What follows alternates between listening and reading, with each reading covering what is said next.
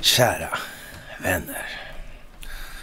Denna tidiga morgonstund så är det onsdag. I en ganska händelserik vecka. Det får vi nog eh, säga. Och då minsann, därför, när vi skriver den eh, sjätte i tionde 2021, då är det dags för ett, jajamensan, ett onsdagsmys. Ja, det är lite speciellt det här alltså. Ja. Och det valutafinansiella systemets skick och tillstånd det har ingenting med någonting att göra. Ingenting alls. Whatsoever i grund och botten. Nej. Och grisen den sminkas och målas i olika sammanhang. Ja, ja, det handlar om optik. Det handlar om att skapa en bild. Det handlar om eh, folkbildning. Ja, det är så att har man opinionen med sig, då, då händer det grejer som man vill.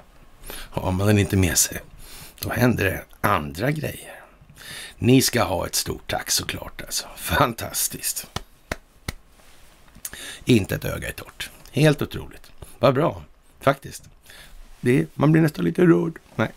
Det, men ändå, det är otroligt kul faktiskt. Man skrattar lite mest hela tiden nu. Det är dråpligt värre skulle man kunna säga. Och eh, ni ska även naturligtvis som vanligt ha tack för era gåvor på Swish och Patreon för att ni hänger på det här folkbildningsprojektet som ni gör genom att följa kanalen, genom att fördjupa er på karlnorberg.se, genom att följa telegramtjänsten och så vidare. Ni ska ha det största av tack för det. Ja, det är tidigt och vi är tvungna. Det är mycket och jag ska hålla på i nio timmar nu med det här. Nej, utan eh, ja, vi tar det tidigt idag helt enkelt. Vi ska göra lite annat idag också som ni kanske kommer få ta del av så småningom. Det är lite andra grejer på gång helt enkelt här i världen. Sådär. Och det är viktigt att vi gör det vi måste göra och det gör vi nu och därför har vi det här tidigt. Nobelpriset är ett rent opinionsbildningspris. Det tror jag att de flesta har börjat inse nu här, som följer den här kanalen i alla fall. Eh, på övriga fronter kan det vara något lite mer tunnsått med just den typen av insikt. Så kan vi väl säga det lite återhållsamt då. Och eh, ni förstår ungefär vad jag menar. Men även där kommer de här kontradiktionerna eller direkta motsägelserna upp i ljuset av verkligheten. Det blir ju bara för festligt alltså, det måste man ju säga. Det är rätt många komiska artiklar som kommer nu i de ägardirektivstyrda opinionsbildningsmedierna. Det är inget mumsigt stackel alltså. Nej, det biter styggt helt enkelt. Det biter så styggt och det är så här att eh, det svenska folket är dömt att upptäckas. Dess välstånd är offrat på den falska solidaritetens altare. Men det här välståndet, det kan ju även vara det psykologiska välståndet. Det måste man ju faktiskt tänka på här också. Att, och, och då är det ju lite grann så här att har man då ett Stockholmssyndrom, alltså det vill säga man älskar sina förtryckare. Man älskar de som håller på att komma med pålager, diktat och så vidare hela tiden. Ja, men då är det väl som det är då va. Ja, det är bara, får vi mera vax, får vi mera regler, får vi mera lagar och förordningar och förhållningssätt så vi slipper tänka själva. Det är, ju, det är lite sådär det här för det fria tänkandet, men vem vet, det kanske är planerat på så vis. Har man ett Stockholmssyndrom uppkallat efter ett psykologiskt tillstånd som har utarbetats av en statsmakt? Ja, faktiskt. Är det Stockholmsbyråkratin som har skapat den här situationen? Och vem vet, det kanske till och med Nils Bejerot begrep i den meningen. Faktiskt. Det kan ju vara så. Men på den tiden så var det väl så att man utgjorde inkarnationen av att högmod, högmod faktiskt gick före fall. Och det blir ju lite så här då med all den här typen av verksamhet som bygger på informationsfördelar. Det blir ju lite tokigt om informationsrörelseriktningen förändras allt för mycket. Som till exempel att informationsflödet helt plötsligt blir horisontellt istället för vertikalt i en större omfattning. Det blir ju inget bra alls alltså. Då är ju de här vattentäta skotten helt plötsligt rätt meningslösa. Det är ju bara så. Och jag menar, det finns ingen underrättelsetjänst i världen som eh, kan stå emot den samlade kraften i det globala allmänna medvetna medvetande. Det finns ju inte en möjlighet ens. Däremot är det mycket lätt för väldigt många människor som samtidigt intresserar sig för att kolla underrättelsetjänster att göra så att de exponeras i ljuset av verkligheten i en jättestor omfattning. Och det är precis vad som sker nu. Så det där får ni ta och repetera det jag sa nu här alltså. Det, det här är viktigt nu. Och nu blir det jättetydligt och roligt blir det ju framför allt. Det blir ju så skojigt så det är inte klokt så här. Jaha, Etiopiens premiärminister insvuren för fem nya år till exempel. Ja, vad ska vi säga? Den här Ahmed då, eller Ahmed, han, Abiy Ahmed, svor in, svors in på måndagen på fem år på posten och så, så här Ja, han blev premiärminister 2018 och tilldelades året därpå också, därpå Nobels fredspris då, på tal om fredsprisen, eller prisen från Nobel, ja, för att ha nått fredsavtal med Eritrea. Men efter att stridigheterna i Tigray, Tigray då, utbröt har kritiken mot honom tilltagit. Nyligen anklagade FN Etiopien för att blockera förnödenheter från att nå behövande i den krigshärjade regionen. Efter det har Etiopien förklarat sju FN-tjänstemän för persona non grata. Vad gjorde de där FN-tjänstemännen? Det var väl aldrig så att de såg till att underhålla eller sköta underhållslinjerna för de här stridande enheterna, eller i vart fall den ena då. då. Det går ju till så att man ja, skjuter alltid till resurser till den näst starkaste, men bara så mycket att den aldrig vinner. På så vis håller man liv i de här konflikterna och det är liksom ett standardförfarande hos den här typen av Stockholmsbyråkrater som är ute i den svängen. Och eh, för att ta ett målande exempel i saken så kan man ju säga då att Ericsson har haft affärsverksamhet i Etiopien för eh, ganska, under ganska lång tid. Då. Och eh, ja, det här att sälja telefoner, det började då, då ja, 1894. Det är ju alldeles nyss alltså. Och Etiopien har förblivit trogen då det här företaget Ericsson och de har den lilla blyga marknadsandelen av 90 procent. Ja, av det centrala nervsystemet i det där landet. Det är ju ingen kanske obetydlig del i alla fall. Mm, eller? Sådär. Ja, men det här är ju så att säga övertydligheter bortom vad man i sin vildaste fantasi trodde skulle behövas. Alltså det här är ju, jag vet inte helt enkelt. Och eh, ja, Aftonbladet följer upp då, fast det blir ju en lite annan fråga i det här då. då. Då kommer kraschen och då pratar vi inte om vilks, vilkskrascher eller vilka krascher som helst, utan det brittiska oraklet om nästa globala bostadsbörs och börskrasch då, alltså de finansiella tillgångsprisernas haveri då. Bara ett världskrig kan förhindra den, säger den här ekonomiska experten i Aftonbladet, eller till Aftonbladet då. Ja. Så det är bara att sätta igång och kriga då, så går det, blir det ingenting alltså. Är, det, är det det han menar eller? Världskrig är inte så kostsamt eller? Och det är inte för stora kostnader nu som har varit problemet här. Nej, men. Bra, då vet vi ju. Ja, ni ser ju själva. Det håller ju på att bli rätt så lattjo helt enkelt. Och eh, Kreml säger då att den här Pandora-papperna då, eller Pandora-asken då, som det här egentligen ska bli en metafor för då. då. De eh, visar minsann att eh, USA är det största skatteparadiset trots att de påstår att de håller på med eh, alltså bekämpning av penningtvätt. Ja, men, men nu är det ju så här att den här Stockholmsbyråkratin som har förgiftat hela världen och det måste man, nu måste man förstå det här nu att och om den här Stockholmsbyråkratin kommer med Axel Oxenstierna då är alltså inte USA konstituerat ännu som land. Utan det är kolonier och ingenting annat. Det måste man minnas nu här. De fick allt sin skit med på köpet och de har lyckats bryta det där i omgångar till och från. Men de här krafterna som fanns där från början då i det här, de har naturligtvis inga oöverskådliga ambitioner i vart fall. Att göra det här till någonting som är till det allmännas bästa, det är ju givetvis inte så. Och jag minns då, om det kan ha varit 2014 kanske, eller något när jag höll någon föreläsning i, om, jag, om det var Lund eller Kristianstad, det minns jag inte, men någonstans i Skåne i alla fall. Och började prata om de här Ostindiska kompanierna. Och, och, och, det där var så obehagligt tyckte många människor i den här publiken, att de, det blev tårögd och, och där på underläppen och hela partiet där liksom. Jag kände mig lite elak liksom som talade om det där, men tänkte det här tar de väl snabbt där. Eh, nej, det gjorde de inte. Nej. Så här, eh, ja, en sju, åtta år senare så där, då är det ju vad det är nu här. Nu är det inte mycket att be för längre. Nu står det här och stampar. Ja, helt enkelt ute på farstukvisten.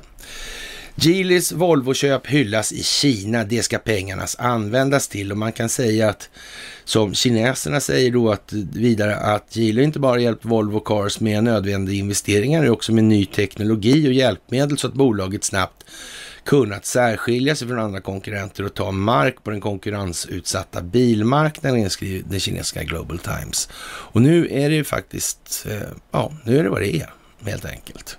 Nu är det vad det är i det här sammanhanget och det är viktigt att komma ihåg. Vi kommer tillbaka till Kinas samröre med Sverige, Kinas samröre med USA, Kinas samröre med Turkiet och naturligtvis Kinas samröre med Ryssland. Men eh, ja, ni känner ju till den här gamla bilden med Globen och med Ericsson-logga och hela de här fyra herrarna med sina ljus från verkligheten som förstärker, alltså förstoringsglaset. Jaha, i USA så är ju den här valhistorien pågående naturligtvis och det är ju som vi har sagt hela tiden så att vid en viss given brytpunkt så kommer människor som har varit inuti den här korrumperade strukturen att försöka rädda sig själva. Och då kommer det börja kvittras, det kommer sjungas, de kommer golas så in i helvete alltså. De kommer gola ner allt och alla för att rädda sina egna arslen. Det är bara så. Och nu sjungs det minsann och eh, Peter Strock och Lisa Page varav den senare ändå får ses som skäligen misstänkt för att ha gått in i det här rätt väl medveten om hur det här skulle sluta om vi uttrycker oss som så. Det verkar väl inte så där helt otroligt helt enkelt. Hon var ju tidigt ute så att säga och flaggade lite för den saken. Ja, och det kanske man inte upptäckte alltid sådär. Men, men, men, men. Nu är det så i alla fall att det är som vi trodde att det var. Jaha, och sen hade vi ju ett litet, litet avbrott där på Facebook i natten till igår då. Ja, eller kvällen i alla fall, eftermiddag. Vad var det där för något egentligen? Vad var det där? Ja, sett ur eh, perspektivet av vad som har dykt upp efteråt så får man nog säga att det ligger klart i farans riktning. Att det här var regisserat och dirigerades av den som kontrollerar telekominfrastrukturen. Så kan man säga. Och det vet vi ju alla att det alltid har varit det här företaget vi just pratade om när det gäller till exempel Etiopien. Men det är inte liksom hela grejen efter den 9 november 2019. För då är det någon annan. Så. Mm. Och eh, som sagt, det här är jordens genom tiderna största folkbildningsprojekt och jordens genom tiderna största stingoperation. Och man får faktiskt nu vara lite naiv om man inte tror att de här datorerna, en kvantdator, klarar av just det här med perspektivvidden. Alltså, vad bygger man en dator för? Är det för att ha no någonting, någonting som man själv vet att man kan göra bättre i direkt? Nej. Den där datorns främsta styrka, det är ju perspektivvidd alltså. Att koppla in så många parametrar som möjligt. Vilket alltså är svårigheten för det mänskliga sinnet. Svårigheten är ju att hålla vidden på perspektivet. Det är det, alltså att inte bli snäv, kort och rak i det här. Det är ungefär på det sätt som riktig svenska ska användas. Av någon outgrundlig anledning är ju det själva Stockholmsbyråkratins ryggrad i de här sammanhangen. Det är väl konstigt. Kan det ha att göra med att ord påverkar tankar? Och tankar påverkar känslor. Kan det ha med det att göra? Kan någon ha kommit på det här tidigare? Kan det möjligen vara så?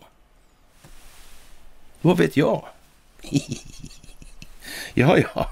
Ja, men det kan ju vara så faktiskt. Och eh, ja, det var många som var väldigt förtjusta i det där med att eh, Donald Trump, ja, kom med i matchen igen. Jag vet inte, kan det ha något med det att göra? Jag vet inte. Vi får väl se hur det är med det i verkligheten. Men man kan väl säga så här. Det är uppenbart nu att det är de krafter som motverkar den djupa staten, som har legat bakom det här. Det får man anse som helt obestridligt vid det här laget.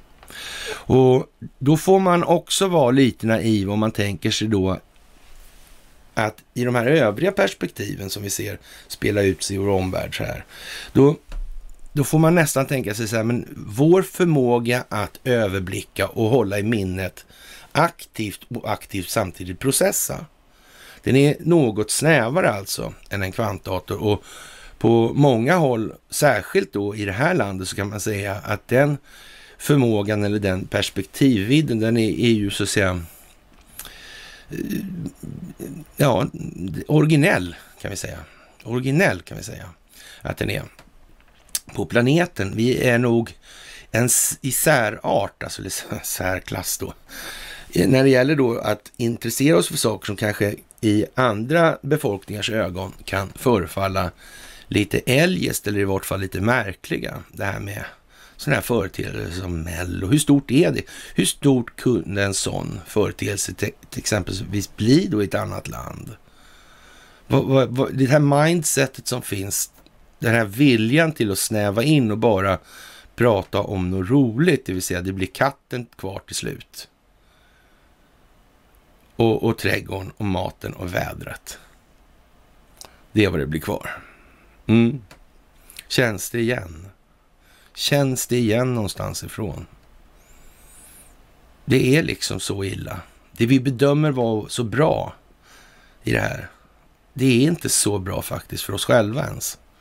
Och nu börjar det krypa i kapp de här, så att säga, rätt så larviga känslogrunderna, värderingarna och tycka liksom om de här helt banala konstruerade sakerna som är gjorda för att vi inte ska hålla vidden på perspektivet. Och sen kombinerar man då med ja, det som borde vara födoämnesersättning egentligen bara är konstgjord stimulans av dåliga, ja, så att säga, primitiva känslor som får oss ännu mer på fel bog i ett ur ett utvecklingsperspektiv alltså. Så det är lite som det är. Det kan nog vara bra med de där eftertanketimmarna faktiskt tror jag. Jaha, och eh, en tysk elektricitets elproducent alltså, är tvungen att stänga ner nu eftersom man inte har något kol kvar. Och det här med kolväten. Mm. Eller brä bränna eh, gamla dinosaurier. Hur gick det där till när de fick igenom den helt osett sådär?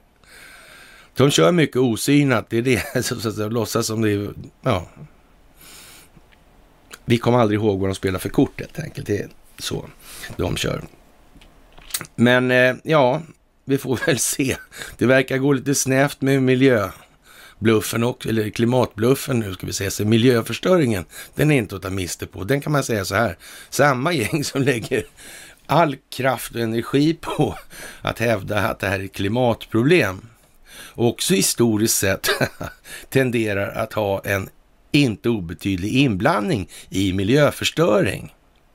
Alltså det var ju någon som släppte de där tunnorna i Sundsvallsbukten. Det var väl det ändå alltså. Och det var ett enskilt vinstmaximeringsintresse. Man behöver inte vara kärnfysiker för att räkna ut att med avseende på det där Norrlands Calcutta så var det väl säkert några som var där tidigt på bollen.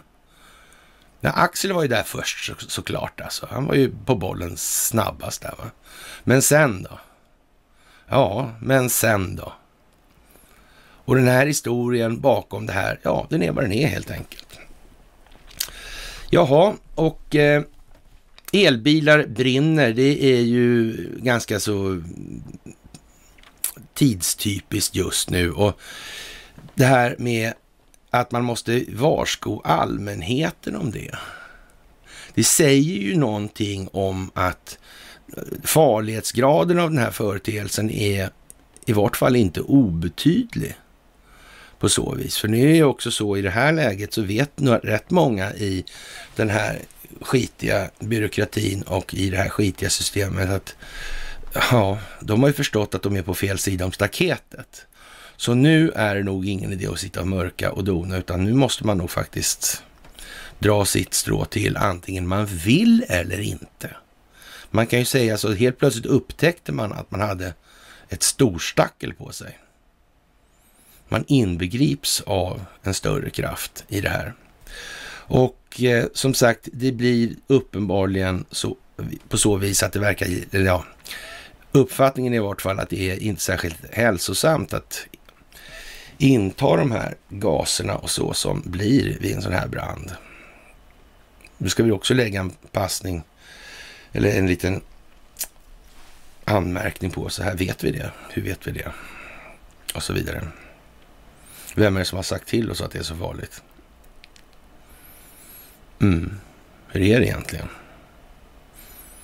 Hur vet man egentligen hur mycket energi en elbil drar?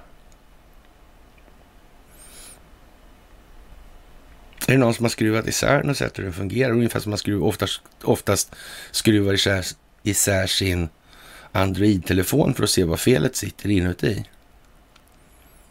Är det någon som egentligen tror att vi har bra koll på de här grejerna? I så fall så tror jag vederbörande bör tänka om ganska snart. Det kan nog visa sig vara både det ena och andra som vi inte hade tänkt på och inte haft någon möjlighet att tänka på. Medan de som har möjlighet att tänka på det, de som har till och med tillgång till kvantratorer för att använda den kunskapen som utgångspunkt eller som ingående parameter i vidare planeringsekvationer. Ja, det blir lite skillnad alltså. Avståndet mellan de som sitter bakom de här datorerna och oss, det krymper inte i den meningen. Det gör det ju inte. Det som vi har som vår styrka, det är ju att vi är många och att vi kan kommunicera med varandra. Det är ju själva prylen. Och eh, jag tror ni har märkt själva att Facebook faktiskt inte har blivit till det sämre efter det här lilla avbrottet. Men vi kommer tillbaka till det där, så ja, var inte oroliga. Jaha, orolig lärare, ta vaccin eller bli avstängd. Det är ju lite svårt vad, vad, man, vad man ska säga det där att man ska stänga ner samhället. Och det är klart att de här människorna som nu är så här, ja, Stockholms syndromatiska av sig, som verkligen älskar det där, eller så att säga är livrädda för att konfrontera sina egna känslogrunder och värderingar i ljuset av att de nu ser att de är helt åt helvete och dessutom verkar det vara så att alldeles för många ser vilka jävla idioter de är alltså. Så. Och de har inte en chans att förlåta sig själva i sin egen situation eller till sina egna rådande känslogrundande värderingar. Alltså blir det bara full fart åt andra hållet, inteckna sig hårdare. Det är ju det. De här människorna kommer ju att gå och driva till den punkten där de föreslår att alla som inte håller med dem, de oliktänkande, de måste elimineras. Det är ju liksom det det slutar med i det här. Och Sen hetsar man på då för att det här ska växa. Men nu, nu ska man väl säga, nu kommer det inte hetsat så mycket mer i, i den delen. Det är slut. Det är slut. Det kommer ljuset nu, värmen kommer nu i den delen. Eller i den meningen ska jag säga. Och eh, det går liksom inte att göra mer löjligt och det kommer vi få se exempel här på slutet i det här myset också.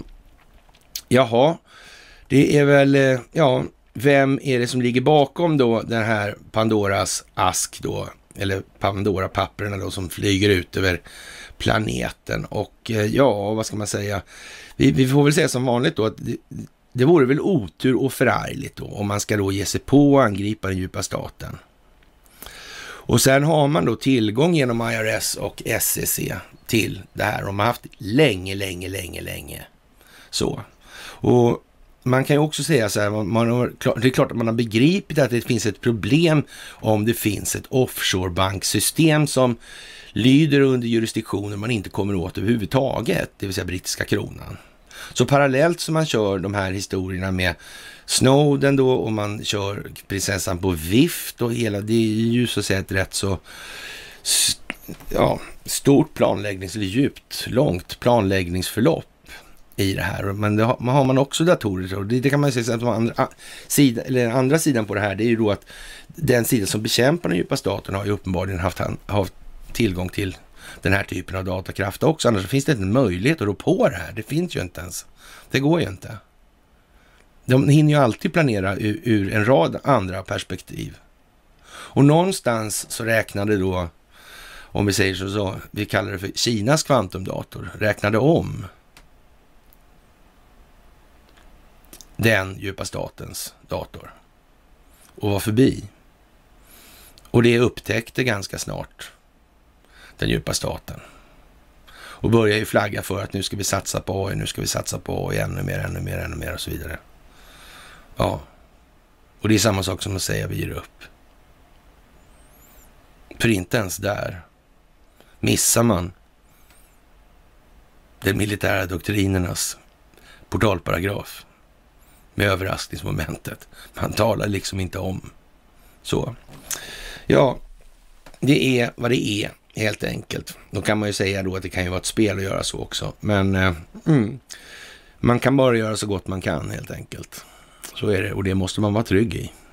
Och sen gör det, gäller det alltså att göra någonting bättre av det.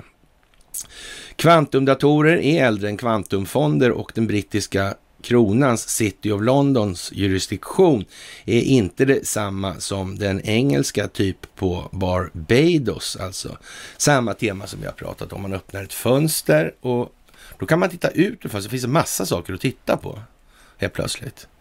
Så gjorde man med Durham till exempel, så har man gjort med Snowden, så har man gjort med en rad olika sådana. Det får växa fram. Det får växa fram i befolkningens medvetna medvetande. Och en av metoderna som vi ska komma tillbaka till idag, det är det här med hur man styr det undermedvetna genom till exempel någonting som heter proprienomen, alltså det vill säga man är vad man heter på det viset. Som alltså man skulle säga då man inte, eh, eh, ja, någon som var tjuv och, och gömde sig i buskar, han skulle kanske heta Tjuvlund då, då till exempel och så vidare. Sådär. Och hur det här hela tiden smyger sig in. Och, men då, det här är lite svårt att förklara då, för då blir det, det blir liksom jättekonstigt. Då har man istället lagt det här på att hålla fram någonting som att det finns en väldigt mycket symbolik. Liksom. Och jag skulle säga att jag tror inte det var den bästa pedagogiska metoden alltså. Det antalet människor som sitter och håller på med, lar, ja, jag ska inte larviga, men som de uppfattar i alla fall väldigt viktiga alltså numerologiska och symboliska betingelser. Och naturligtvis är det ju så också. Det finns ju människor som tycker det där är jätteroligt. Men det är som sagt på det viset att ord är bra mycket mer effektiva när det gäller att påverka tankar än vad en symbol är på det viset. För symbolens värde, den är ju faktiskt inte så stort om du inte kan sätta ord på vad den här symbolen innebär. Så det blir ord i alla fall. Längst ner, bottom line, sista raden. Det är de som spelar roll. Faktiskt. Och där är det här med propionomen. ett, eller ett metod, ett, ett metodval då som är liksom det är ju lite komiskt alltså. Vi har ju, vi har speciellt jag och Conny ska jag säga har haft rätt mycket roligt och det här kan det för fan inte heta liksom. Hur fick de tag i den där liksom? Du kan inte finna, han måste bytt namn till den punkten. Liksom. Där, där måste han bytt namn. Alltså det kan, ingen kan inte heta på det. Det går inte att heta sådär, det är omöjligt. Ja, och det här är ju lite speciellt faktiskt. Och nu är det ju jätteroligt faktiskt, skulle jag säga. Och eh, de heter ju alla, alla möjliga underbara prylar och för, ja, företeelser och så är namnsatta på ett sätt som är speciellt helt enkelt. Jaha, man kan ju säga då att när det gäller den här Panama-historien så är det ju alltså inte George Soros som bestämmer någonting i de här sammanhangen. Det är ju inte det. Det måste man, måste man fan fatta det här alltså. Det, det är inte George Soros. Han har inga kvantumdatorer på det sättet. Han har inga underrättelsetjänster. Han har inga militärindustriella komplex. Jag menar, han, det där är världens rikaste hej och hå. Men vänta nu här. Vänta nu här. Vad omsätter techjättarna egentligen och var omsätter de? Vad är deras börsvärde? Vem äger handelsplatsen där de håller till? Ja.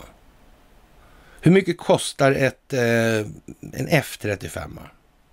Hur många F35 kan George Soros ens köpa? Det blir inte så många alltså, om jag säger som så.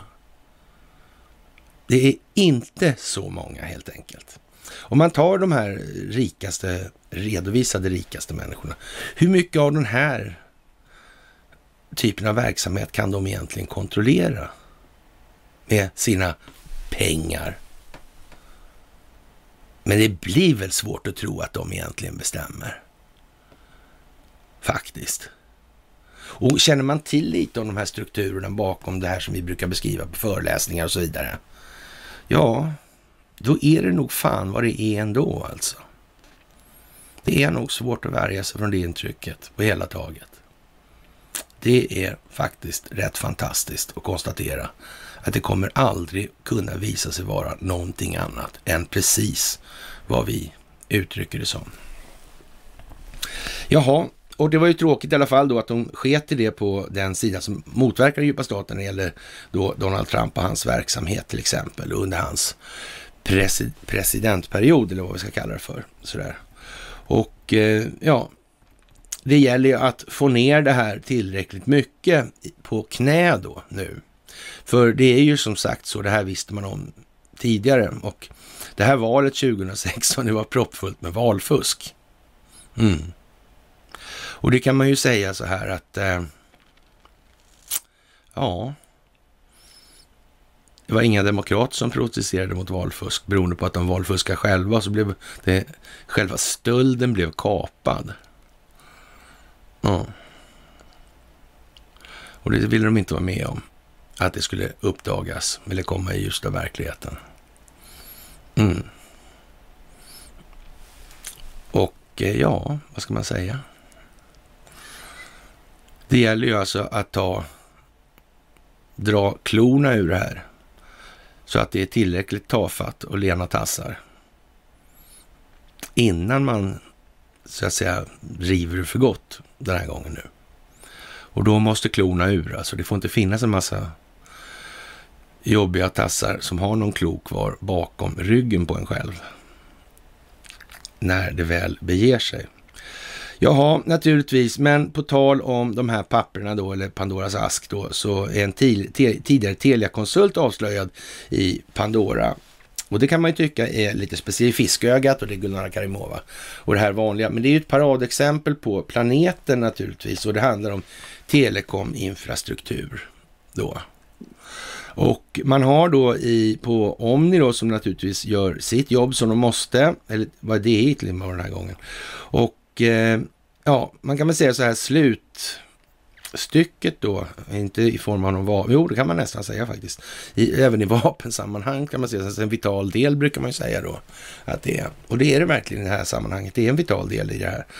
Där står det så här att, eh, ja, alla påståenden om att vår klient fungerade som en kanal för att hjälpa Telia att förvärva regulatoriska fördelar och säkra telekomaffärer är, och så, punkt, punkt, punkt, är helt felaktiga.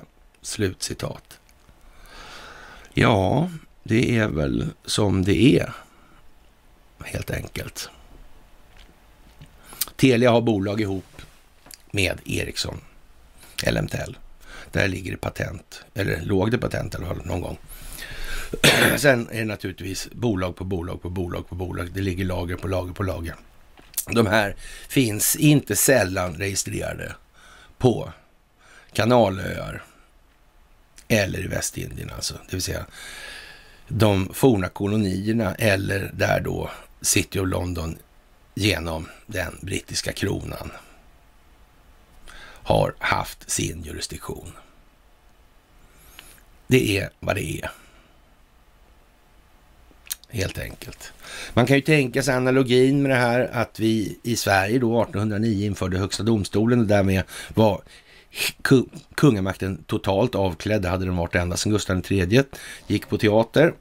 Det, i, men det tog lite mått och steg där och lite tid under vägen då, kan vi väl säga. Och, och sen måste man så att säga förbereda det här med att få stil på hela Europa det här. Och ja, där blev det då sedermera Napoleonkrig och så vidare. Och sen kom ju den här kongressen i Wien 1815 då två länder blev då neutrala och det är därför Vatikanen ska hållas neutral då kan man säga. Han var ungefär som vikingarna med sina svärd runt sultanen tidigt. Så, här. så kom det då en massa sådana här lustiga typer från Schweiz. med hillebarder och hela kittet liksom. Ja, ja, men det blev som det blev med Bernardino Nogara och eh, ja, Avery Dull och sådana här grejer. Så det, det gick klockrent helt enkelt så länge det gick. Nu går det sådär helt enkelt. Ja, man får väl hoppas att det alla inte dör av skratt när det visar sig hur jävla ynkligt det här är egentligen.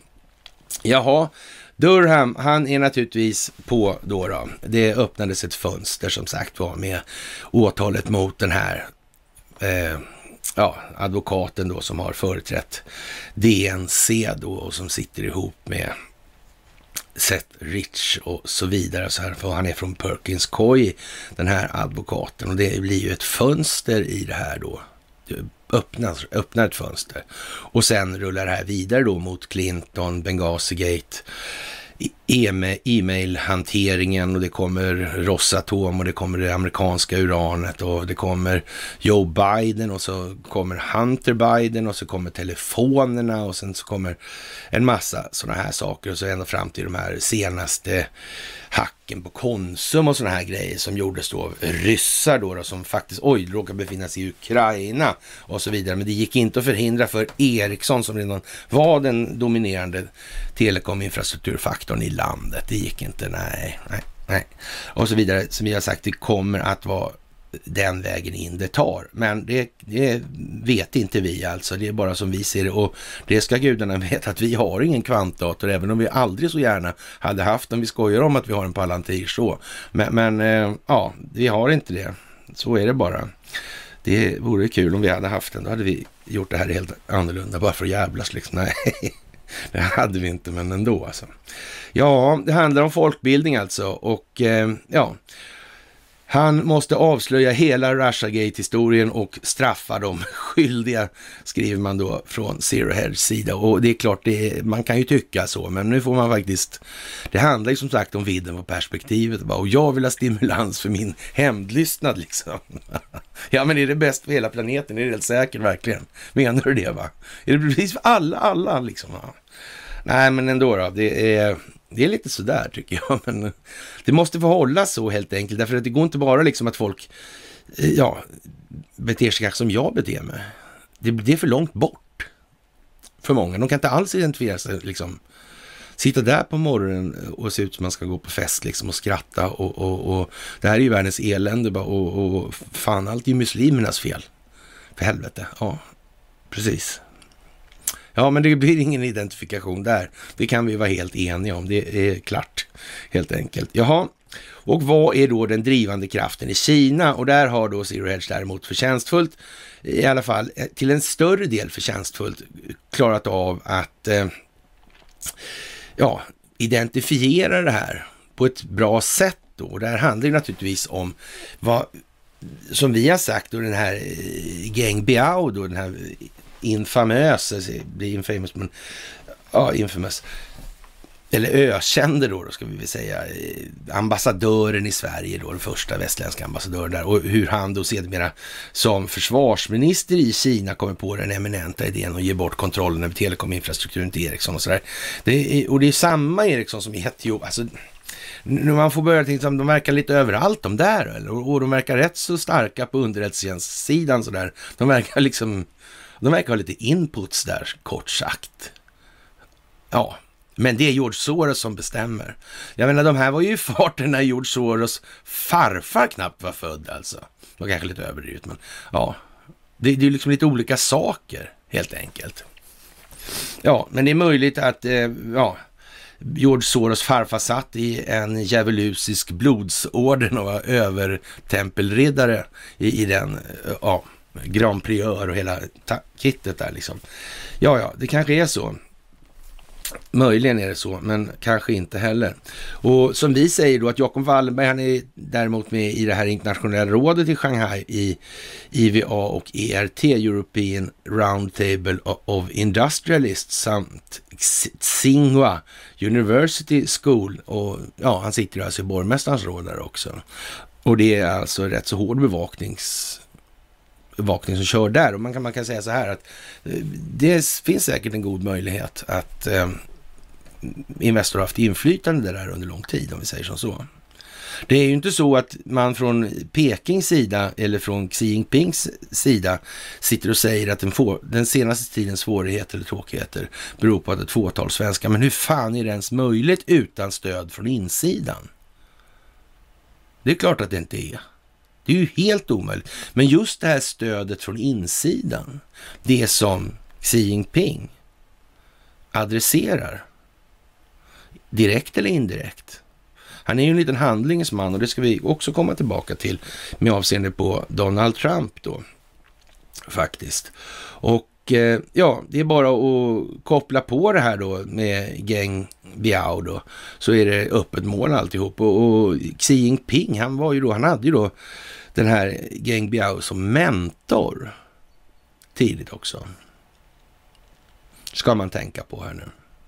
Och visste naturligtvis, för han är uppväxt i den här, vad ska man säga, Shanghai-andan då, då. Och fostrad där. Och så måste det ju vara. Hur i helvete ska man kunna motarbeta det där utan att veta vad det, är för vad det är för någonting som man ska motarbeta? Det finns ju inte en möjlighet. Den utvecklingen vänder ju samma dag det kommer någon som tycker att det här är inte så bra. Det är där det vänder.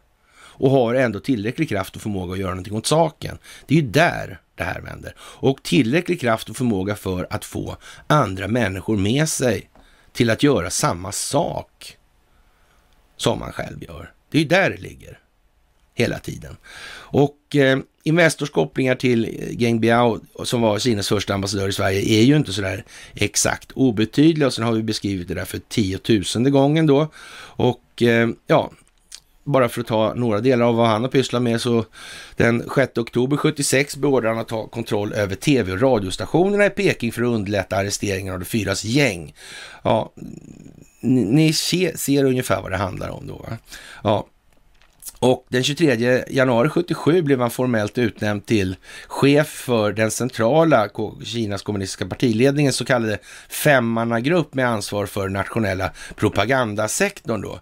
Och eh, det hänger väl inte ihop med, med sånt som andra pysslar med i de här sällskapen på något vis. I något som helst sammanhang, typ Red Bee eller... Ja, jag vet inte. Kan det vara så bara?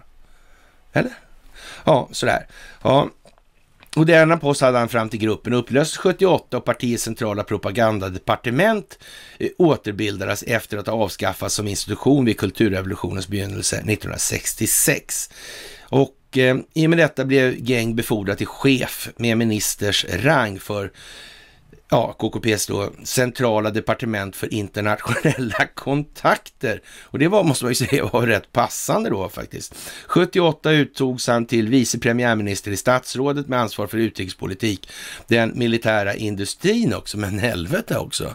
Ja, ja, ja, ja, se där ja, se där ja. Då kan man väl kanske vid det tillfället tänka sig att eh, då fanns det väl en del som var, eh, ja, i alla fall inte helt obenägna att sälja en del och de hade ju tillgång till hela västerlandets militärindustri faktiskt. Så de kunde ju sälja på kineserna lite sådär och ja, då kunde man ju så att säga köra på det här.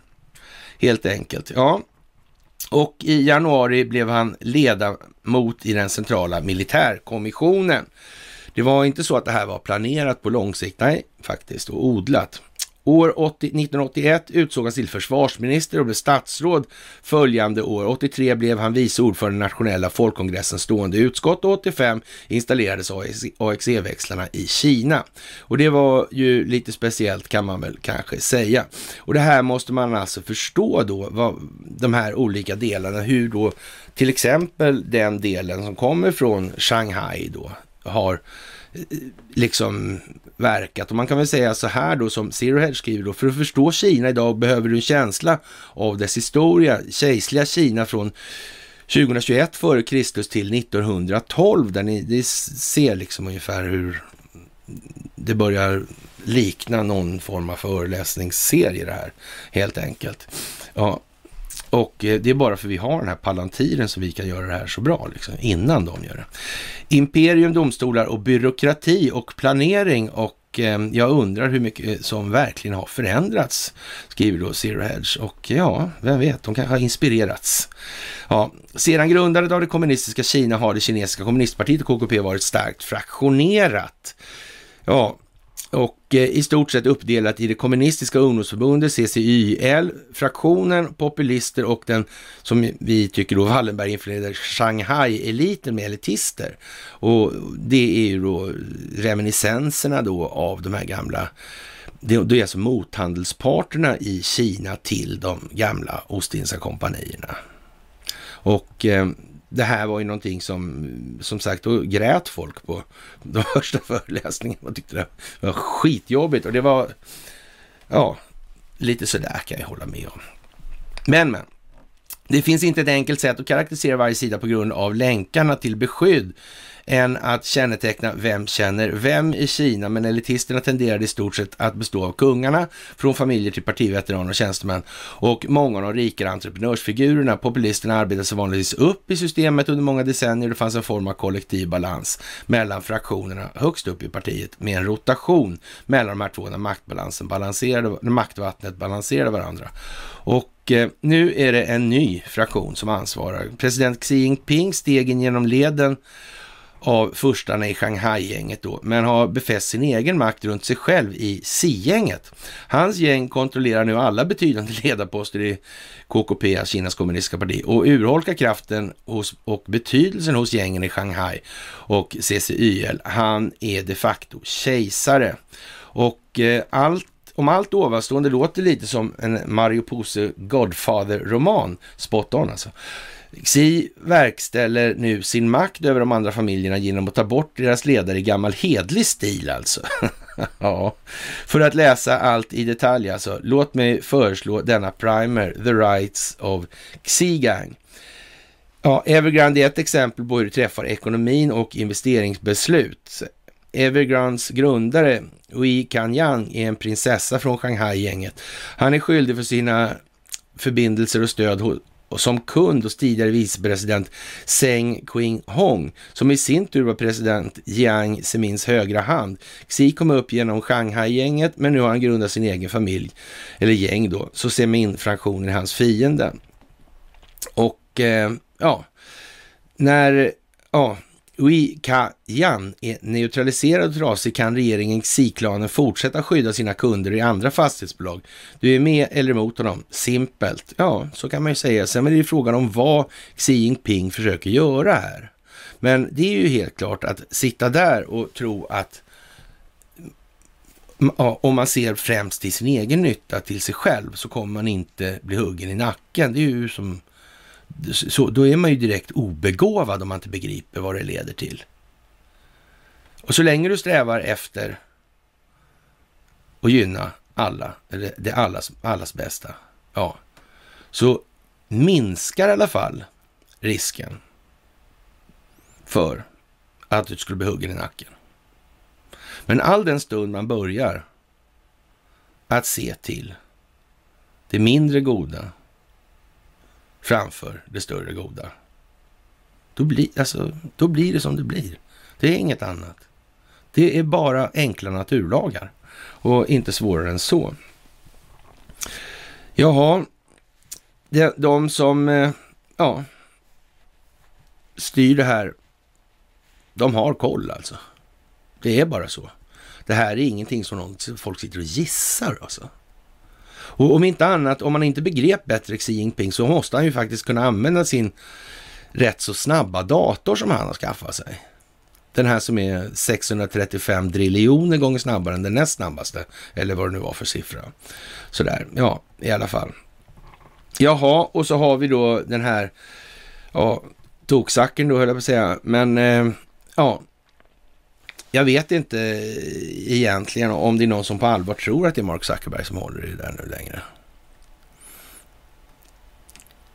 Medvetet eller undermedvetet alltså, tror det. Det är svårt att... Och, ja, men han skulle ju vara liksom en sån maktfaktor som, som vi får se senare under det här myset då, när man skriver i tidningarna i svenska medier till och med vad det här är för någonting. Ett sånt här avbrott, vad det innebär med hänsyn taget till den omfattning och betydelse som Facebook har för kritiska infrastrukturfunktioner i landet. Jag menar, är det någon som på allvar tror att den här jävla kvartsfiguren med en själslig uppenbarelse som en manet liksom. Skulle ha kostym nog för det här? Nja, nja. Han utgör alltså en stabilitetsrisk för vilket land som helst på planeten. Och, så, och då får, man, får han hållas. så är det alldeles säkert. Så är det alldeles säkert faktiskt. För de anställda på Facebook blev måndagen tuffare än en vanlig veckoinledning enligt källor till The Verge. De kunde inte kommunicera via bolagets interna Facebook, där all kommunikation vanligen sker. Istället fick de sköta dialogen via Outlook. Men de kunde skicka eller ta emot mejl från externa kontakter istället för Google Docs och Zoom fick de ta till lösningar som Facetime och Discord. Va? Och enligt New York Times hade flera anställda även svårt att ta sig in på arbetsplatsen då passerkorten slutade fungera. Alltså det är fantastiskt vilken jävla, ja, jävla otur helt enkelt. Fast de betalar licenser och allting alltså. Ja, ja, ja, ja, ja, ja. Men nu kan det i alla fall inte bli några stämningar eftersom det är liksom ingen så. Ja. Ja, det var inte Ericssons fel ju. Det var något annat. Det var Facebooks eget fel. Jaha, och eh, ja, EU-politiker går lite längre nu. Då. De vill granska Facebook närmare och eh, ja, man måste ha kontroll på det där från början. Alltså. Det var ju tråkigt att Donald Trump aldrig fattade det där innan och hans kvantumdatorer och, och, och om man dessutom samverkar med Kina, vilket han naturligtvis inte kan göra, för då blir det väldigt svårt att hävda att det inte är så att han har gjort det innan planerat det för då har han ju åtminstone kunnat ju rådfråga Xi Jinping lite grann om de här sakerna. Det skulle han ju kunna göra då om han hade då, så.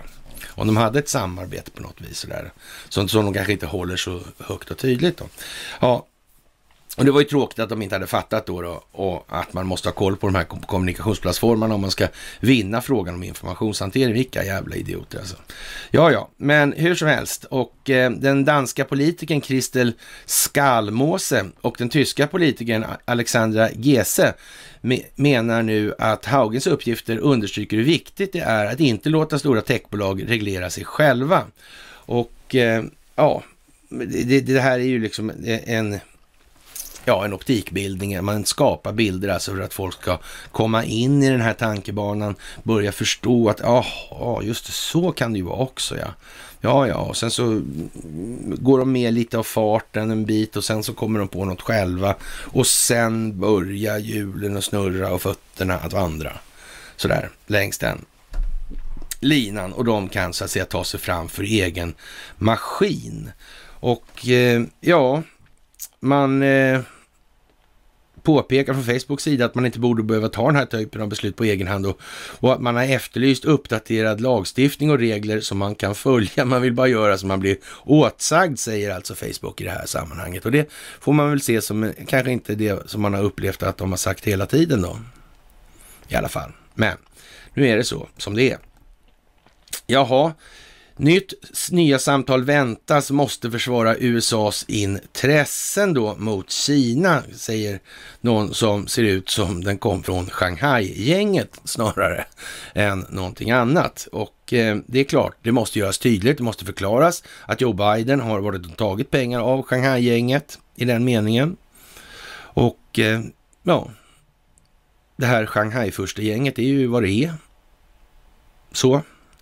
Och det måste man komma ihåg, Kina är inte en entitet på det sätt som beskrivs i västerländska medier. Det är ju inte ens nära. Jag menar, det är ju som att tro att alla kineser är likadana. Ja, det är någonting som många människor tror faktiskt. Men det verkar precis som att de kan åtminstone vara på två sätt då. Det kan vara Shanghai-gänget och det kan vara inte Shanghai-gänget. Så måste det i alla fall vara. Och man kan till och med dra sig, det kanske finns fler olika sorters ja, kineser. Vem vet? Det kanske till och med är så att varenda jävla kines är unik. En individ med egna känslor. Nej, jag tror inte, jag tror inte det är så, för då, då skulle ju våra medier ha berättat det. Vi skulle inte ha den här bilden liksom att de ser likadana ut allihopa. Ja, vi har ju sett så in i helvete med kineser, så det, det vet ju vi att de ser likadana ut allihopa. Vi har ju sett allihopa. Mm. Ja, men, ja, ja, ja, ja, ja, ja. Så är det ju.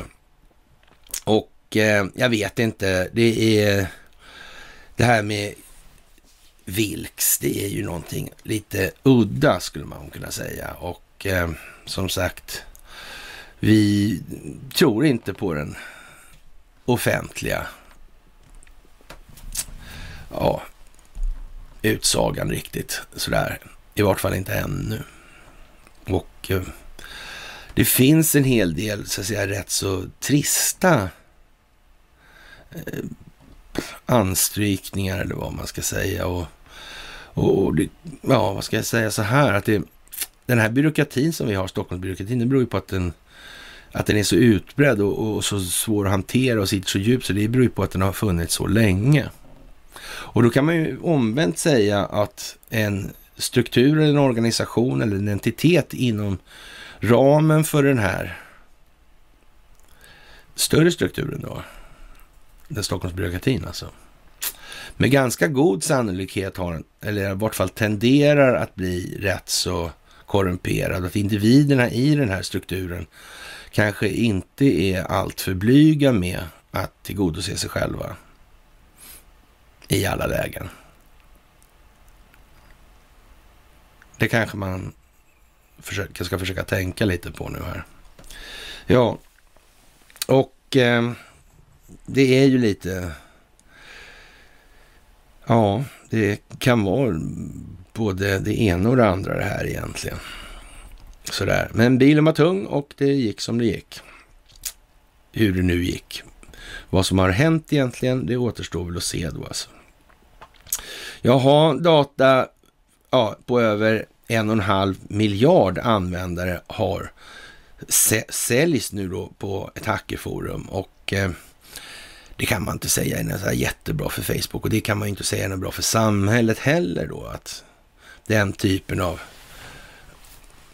informationsmängder försäljs av enskilda intressen med, och, köps med olika syften som helt garanterat inte är det allmännas bästa. Nej, för då hade, det inte, alltså, då hade det inte behövts någon försäljning på det viset. Ja, det är ju som det är och eh, vad, vad, det leder till det är ju naturligtvis att ja, det, det, skapar ett momentum och en legitimitet för att öka kraven, eller man kan ju säga så här, en legitimitet för att det ska vara eh, samhällskontrollerat det här med den här funktionen. Så. Man, det låter ju, annars skriker alla kommunism och Säger man expropriation och skriker de kommunism. Ja. Ja, ja. Men det är som det är, som sagt. Och Donald Trump är enligt då uppgifter då tillbaka på Facebook och eh, ja, vi får väl se vad det är. Och hur det här kommer att yttra sig. Men att han ska driva några kampanjer där på en bra stund, det verkar han måste ha annat att göra just nu känns det som. Helt säkert. Ja, Pandora-asken då visar att eh, ja, 1500 sådana här eh, te, eller, eh, ja, fastigheter då i England hålls på de här skatteparadisöarna. Det måste man nästan, det känns som att det är ett systematiskt utnyttjande för den typen av verksamhet. Mm. Och jag tror att vi har någonstans, vi har sagt så här också, att i bakändan på det här fastighetsägandet, det är ju rätt många alltså som, fastighet, som äger fastigheter så här, så finns det någon som har betalat för något som de här fastighetsägarna har tillhandahållit. Alltså det har ju varit en muta i det, här, det har varit svarta pengar. Det har varit pengar som de inte vill redovisa. Och då kommer ju den här frågan, men där, om vi säger så här att det är 1500 fastigheter då på de dyraste adresserna i Storbritannien eller England. Ja, men vem i helvete är det som betalar ut sådana pengar? Det är ju, blir ju rätt mycket alltså. Så. Och det är ju sådana rätt så dyra fastigheter alltså, så det blir rätt mycket pengar totalt. Och vem har vilka finns det några som har alltså, finansiella muskler att betala den här typen av belopp på sidan? Vad är det för någonting?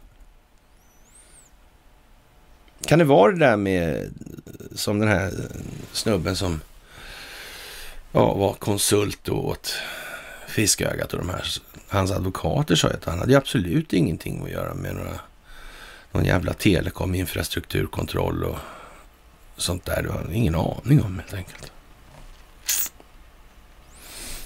Ja, vem vet?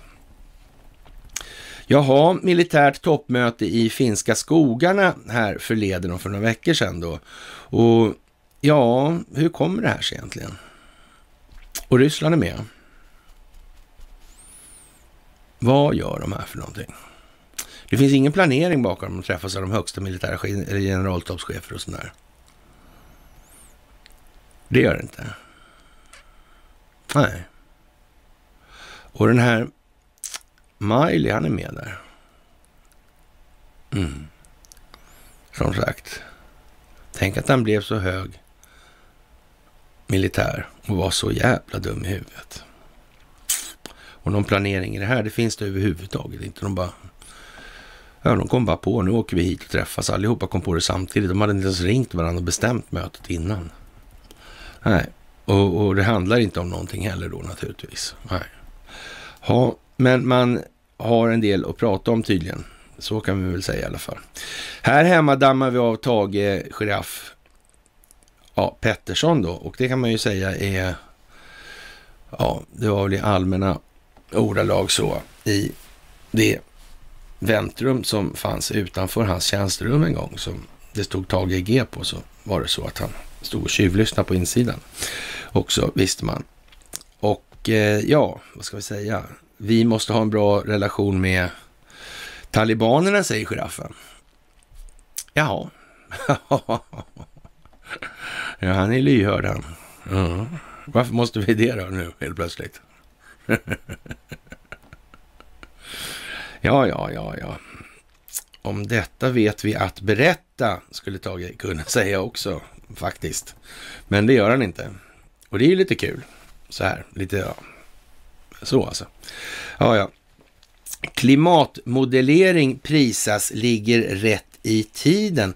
Det här är lite smått fantastiskt. Här har man kommit fram då till att eh, man, ja, ja, från eh, de får årets Nobelpris i fysik för sitt arbete med komplexa fysikaliska system då och man beskriver då klimatsystem och fysiken kring det.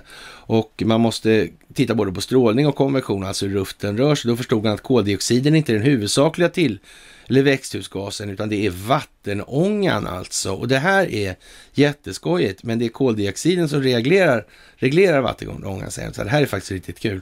Det, och det här ska vi komma ihåg då till senare i det här myset. Och det kommer naturligtvis då, ja vad ska vi säga, eh, passande i tiden som man brukar säga i de här sammanhangen. Och eh, Ja, det är alltså vattenångan som är problemet. Ska vi minnas det då. Ja, och eh, talibaner kallar tolkar till rättegångar på tal om Tage då. då. Och eh, om detta vet vi att berätta som inte Tage sa. Så är det frågan, vad är det då som de här tolkarna inte vill berätta och varför då? Varför vill de inte berätta det? Varför är det så för? Tage och tolkarna tycks i alla fall ha någonting gemensamt i alla fall. Ja, de som pratar både svenska och, och säga, afghanska, de talibanska då kanske snarare, får man säga istället. Ja. ja, men det blir lite konstigt, eller hur? Vad är det de inte vill berätta? Och varför måste Tage helt plötsligt ha en bra relation till talibanerna? Ja, det fanns ju talibaner där med Sovjet ut ur Afghanistan och allt det här skiten alltså. Och sådana här grejer. Mm. Alltså, och vilka, om de kallar sig för AIK eller Djurgården, det spelar ingen roll. Liksom. Det, det är inte saken, faktiskt. Mm, och de bakomliggande krafterna är vad de är. Jaha, och eh, vad ska vi säga? Slottsbråket trappas upp. Uppgifter om stöld och våld och det är ju som sagt, det där blir vi inte av med. Det blir vi inte av med. Det blir vi inte. Och det är lite festligt faktiskt. Det hänger i som ni ser. Och eh, vi tycker ju naturligtvis att vi ser ett mönster med Kollontaj, Stalin och Lenin och inte minst med avseende på den tillgång till fastigheten som Sovjetstaten och St Stalin hade under andra världskriget i det här. Mm. Och eh, man kan väl säga så här när Josef Stalin måste ha upptäckt då det här historien med eh, det kalla kriget då. Vi, vi, får nog utgå ifrån att han inte hade riktigt, riktigt, riktigt koll på hur det, så den långa planeringen såg ut hela tiden. Men när han väl kom på det här då, då ja, då var det ju vad det var. Och, och, i de här sammanhangen ska man tänka så här att det här med vänskap och lojalitet, det finns inte. Finns inte på en karta. Nej. Och i den här tiden så var det ju naturligtvis så att släppte han det minsta någonstans, då fanns det alltid någon som tog det. Så var det. Så det kan inte ha varit så där in i helvete lätt och att han var paranoid, det får man verkligen anta. Helt enkelt. Och det var han på goda grunder dessutom. Jaha, och de här ökända ransomware-profilerna grip, som greps i Ukraina och det Ukraina som kom till då alldeles efter att Stalin hade gått ur tiden. Det här är ju lite sådär äh, lattjo i tiden. De, de ligger i ordning de här, eller lagda i ordning ska väl jag säga då. Sådär. Det är ju lite konstigt. Är det inte det? Det där var de där telefonerna igen då. Eller te telekominfrastrukturkontrollen. Mm. Och den, den har Carl Bildt ingen som helst aning om, fast han blev utsedd till särskild ambassadör tillsammans med sina två kamrater eh, Göran och Jan. Mm, för demokrati och ekonomisk utveckling. Jävla framgångskoncept alltså. De är bra de där tre snubbarna alltså.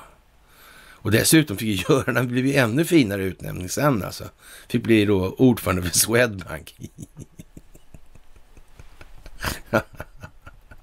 ja, ja, men han gillar ju George Bush. Det har gått bra för honom under de sista åren skulle man kunna säga. I alla fall på pappret. Jaha.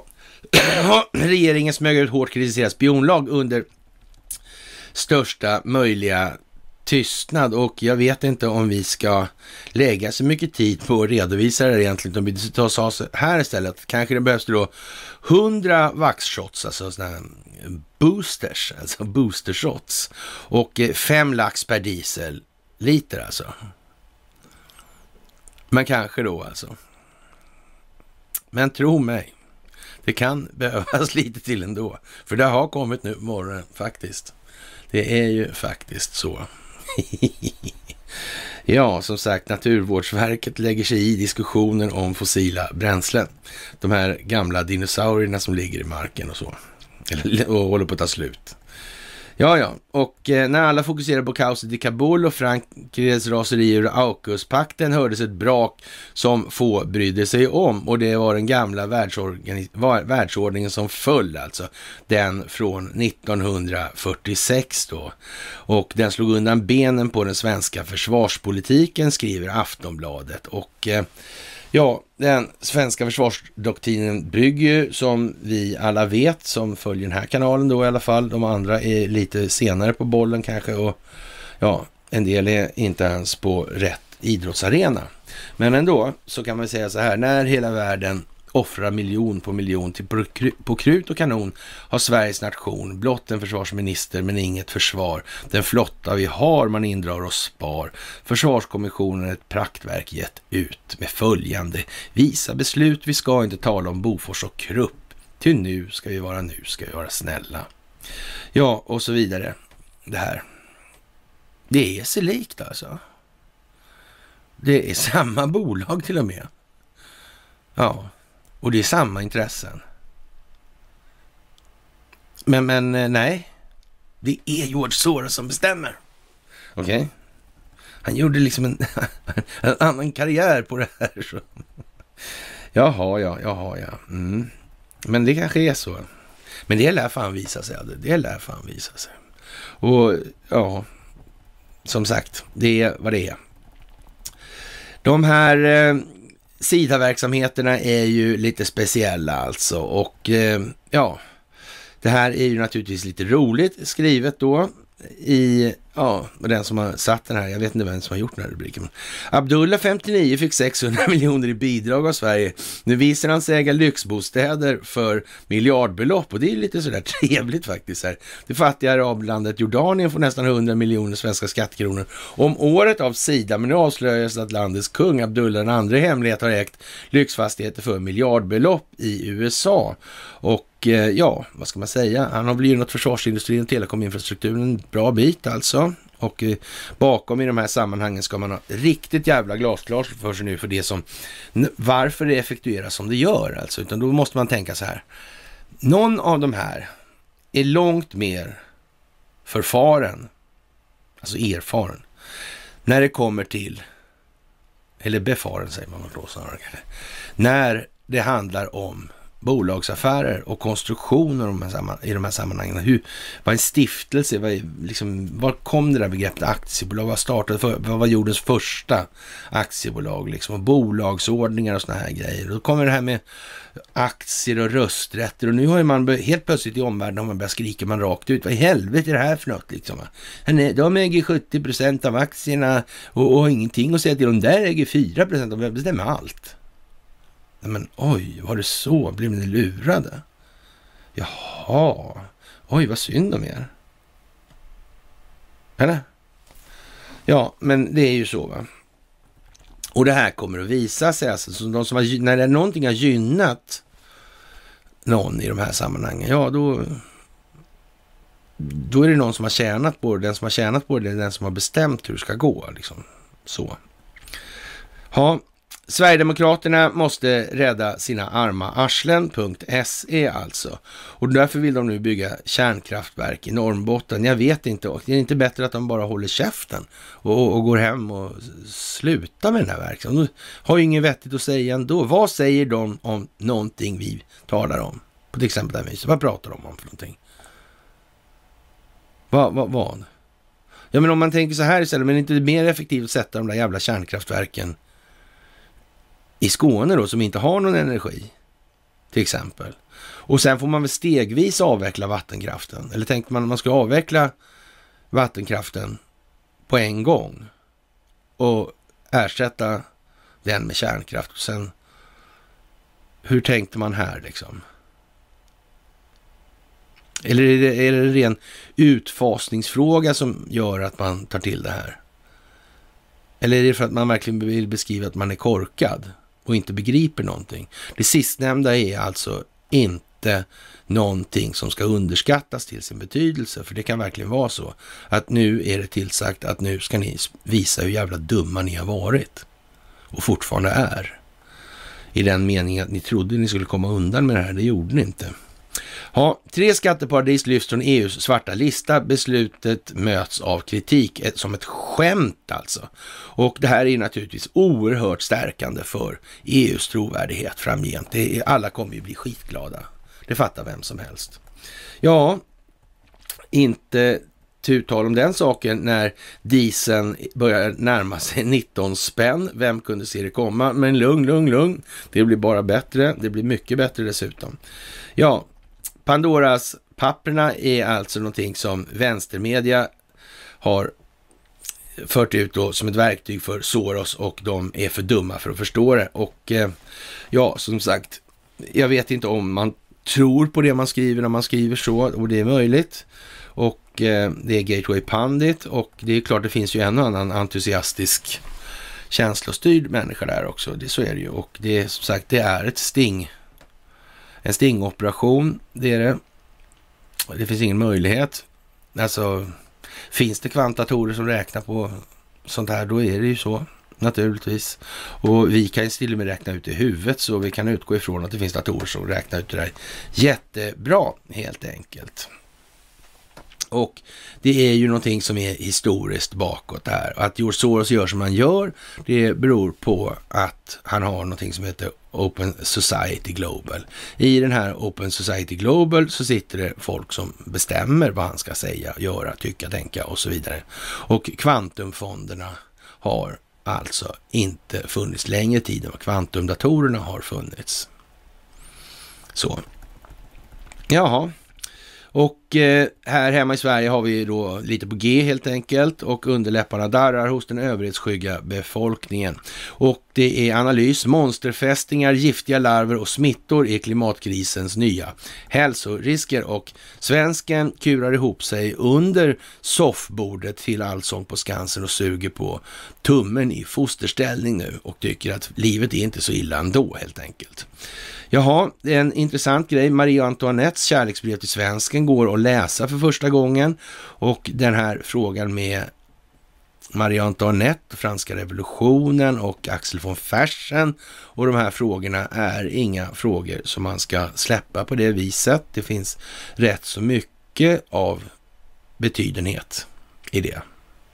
I vad som komma skall också, ha en förståelse för de här sakerna. Så det är bra att sätta sig in i helt enkelt. Jag kan en massa ja, helt speciella grejer kring det där faktiskt. Men det kommer tids nog. Det kommer, ja. Och eh, hennes jävla underkläder de spreds över världen höll jag på att säga. Men i alla fall inte så, inte i världen kanske. Men i en viss särskild riktning skulle jag vilja påstå. Ja, ja, alla ovaccinerade får vända i dörren. Ja, en glädjande då så är det en krögare i Karlshamn som tycker att det här är jättebra och eh, frågan är, är det så jättebra? Det här är ju liksom lite ret, ja, högst retoriska frågor, alltså det är det ju. Men det är fortfarande folk som inte fattar. De här ovaccinerade får vända i dörren alltså för att skydda de vaccinerade som är där inne. Som ska skyddas av det vaccin de har stoppat i sig som gör att de för smittan vidare till och med bättre än vad de ovaccinerade gör. Mm. Det är nivån just i de breda leden just nu. Jaha, Carl Bildt, han tycker att den stora förändring som vi hade hoppats på med Joe Biden, den blir inte riktigt så alltså. Och eh, ja, det är väl lite eljest helt enkelt.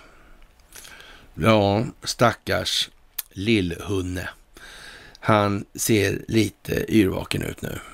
Det här kan inte vara så där jävla roligt i alla lägen för honom. Det kan jag inte tänka mig.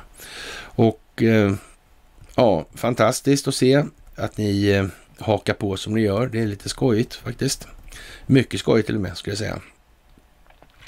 Jaha, advokater hävdar att Göteborgs tingsrätt är jävig i mål mot maffians Barkir och som sagt det svenska rättssystemet är ju precis vad det är som den här magasinet Paragraf och Dick Sundevall som skriver den här visar och eh, Justitia i Sverige är ju har ju ett svärd i ena handen och en vågskål i andra handen men hon har inte så stora tendenser att behandla lika inför lagen för hon har ingen ögonbindel. Man, man kanske ska tänka på det alltså. I andra länder har Justitia då en ögonbindel i Sverige har hon inte, i alla fall inte på den här bilden. Varför är det så? Varför är det så? Det kan man ju fan fråga sig. Alltså. Det är ju lite sådär, äh, nästan lite hånfullt skulle man kunna säga. Men, men, men, men.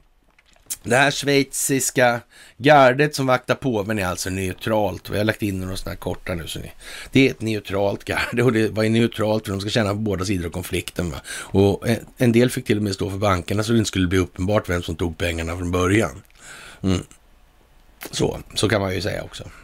Men som sagt, det var ju neutrala vikingar också en gång i tiden. Så i 400 år eller sådär.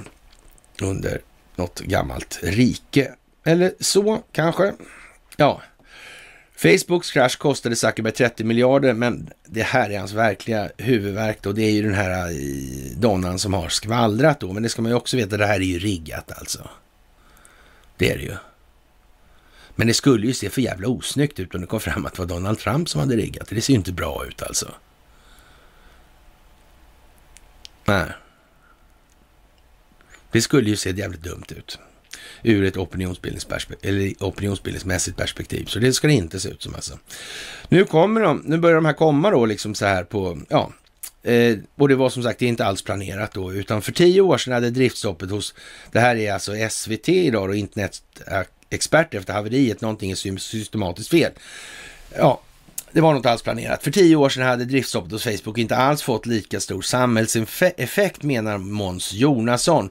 Idag blir avbrottet mer påtagligt och plattformen tillsammans med WhatsApp hunnit bli en samhällskritisk infrastruktur för kommunikation. Och där har vi det. Vad blir den opinionsbildningsmässiga effekten av att man skriver på det viset?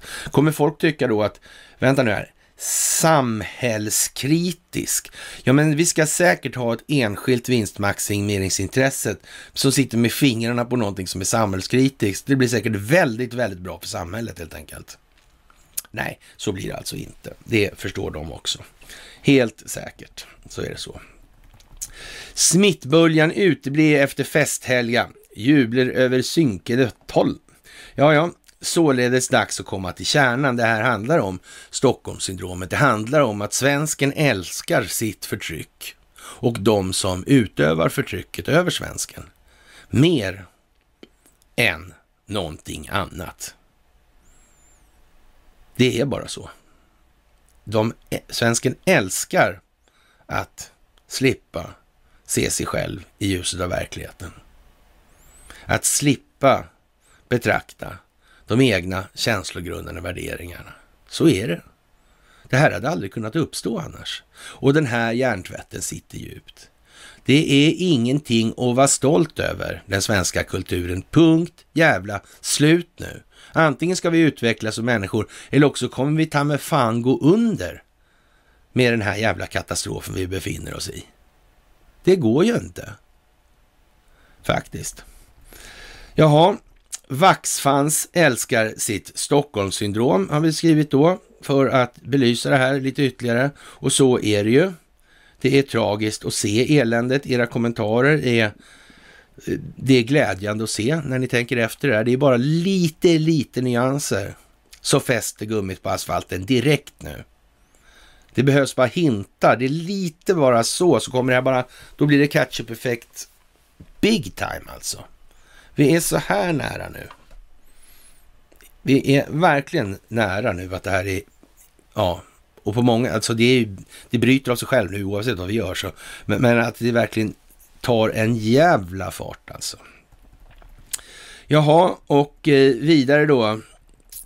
Ja, ny rapport. Över 500 adresser används i brottsupplägg och det här är fantastiskt alltså.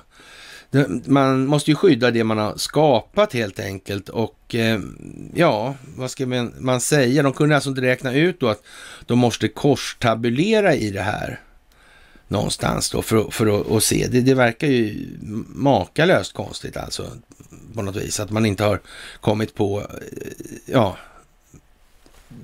ja vad ska man säga, man, man, man har i Stockholm då en sån här äh, grej som vi kommer tillbaka till att äh, det har man inte heller kommit på riktigt, vad det här, men, men, men om vi minns det här med att man, det här använder man ju då i, då när det gäller, ja, bidrag och bolag och såna här grejer. Det, det, och bolaget går i konkurs och man hittar inte personer och såna här grejer. Alltså det, det är lite den typen av brottslighet. Men det, det, finns en annan typ också som kommer samtidigt här då, parallellt. Och det här är lite eljest då.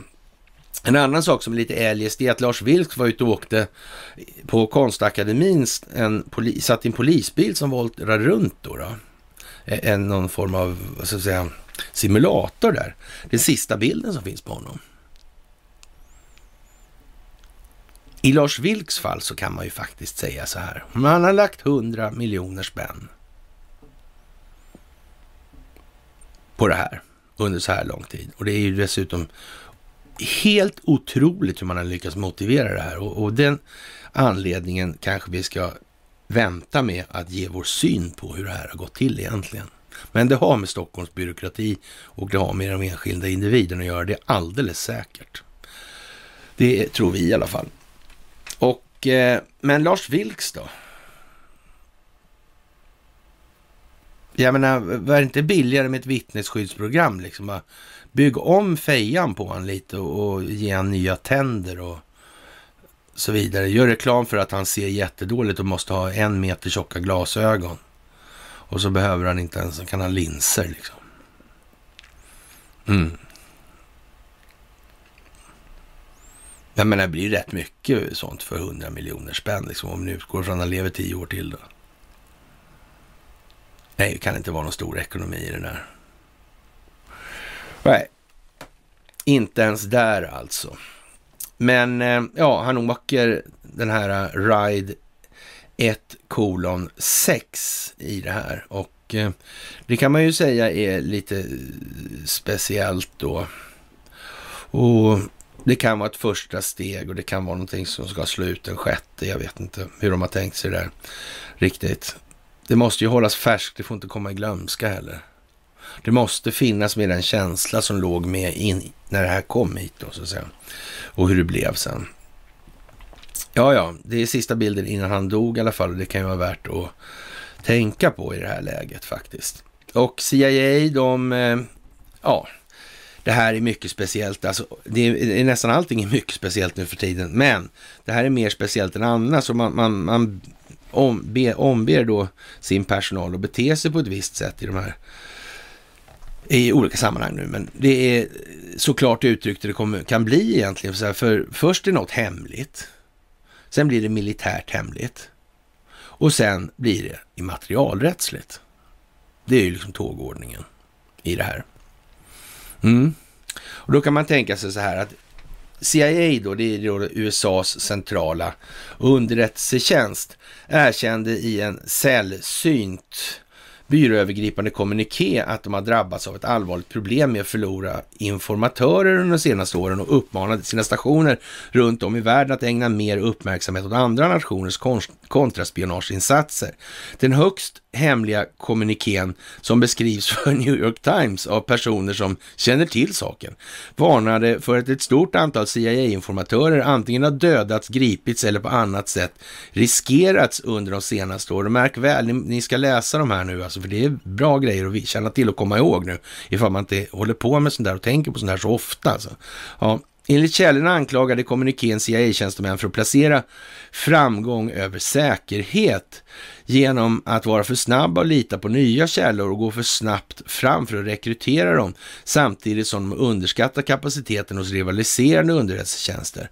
Times noterar att Langleys kommuniké angav ett givet antal förlorade informatörer, ett sällsynt ögonblick av öppenhet som syftar till att belysa situationens allvar. Biometrisk scanning för ansiktsigenkänning och artificiell intelligens för att förbättra hackverktyg nämndes alla som nya utmaningar för CIA att övervinna, vilket hade gjort det lättare att spåra CIA eller personals rörelser och avslöja deras källors identitet. Alltså när vi, den breda massan, kommunicerar, då har inte de en chans liksom på det viset. De ska ner jättemycket intag till ett då sådär. Då. Ja. Vi strävar ju utåt. De sitter och försöker få i sig. Det, det där är helt olika. Vi, vi har olika riktning på kraften. Ja, och det här är viktigt som fan. Det här är ännu mer viktigt. Det här är ju faktiskt att en före detta taleskvinna för Donald Trump då, ja, Nu, nu, nu är det så dags att förstå ungefär den här bilden med Globen och med de här fyra herrarna på helt enkelt.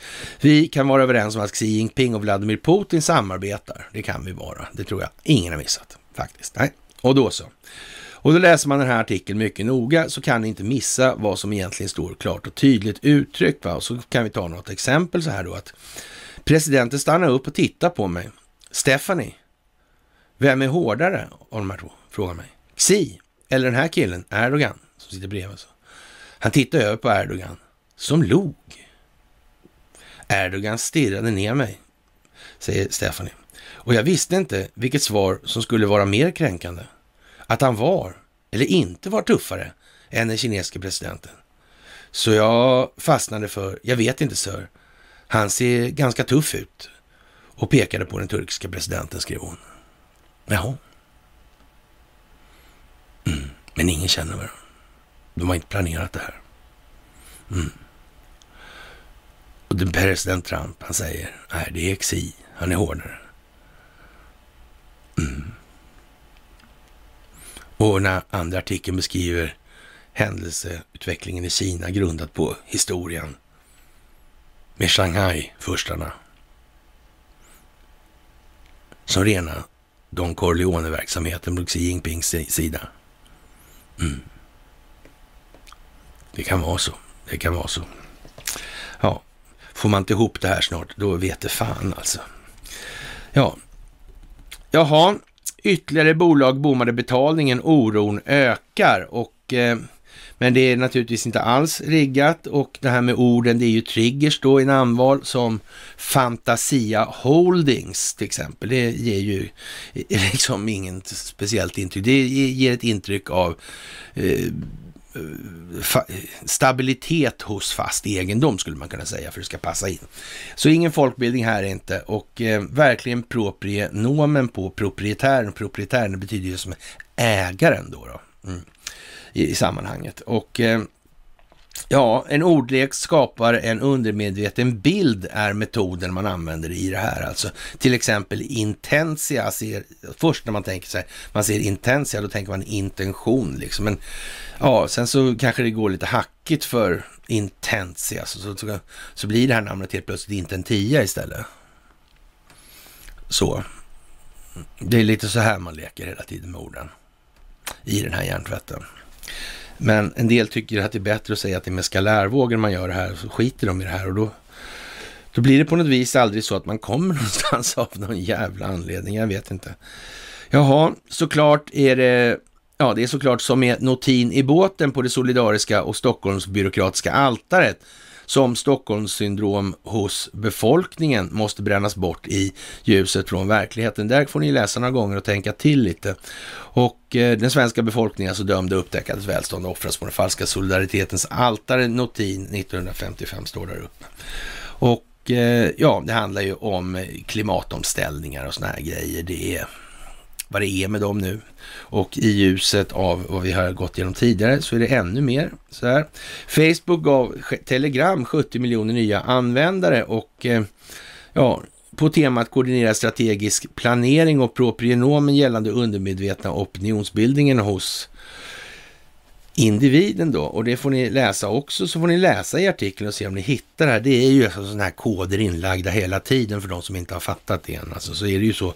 Hela varenda delning är full med sånt här alltså. Och får man titta i vad skriver vi exakt och sen så vad, vad, står det i den här artikeln för någonting och hur sitter det här ihop liksom? Hur går den här tankekedjan som ligger bakom det här hela tiden? Det är så. Det är faktiskt bra och kunna och känna till. Det är lättare att se vad andra tänker då, eller förstå vad andra tänker då. I alla fall i en mer rimlig användning. Och när den här killen heter Pavel Durov så får man ju tänka efter lite här. Det är lite undligt kanske och det står naturligtvis i den, säga, under, under själva bildsättningen har man liksom, för ingen ska missa det ordentligt då.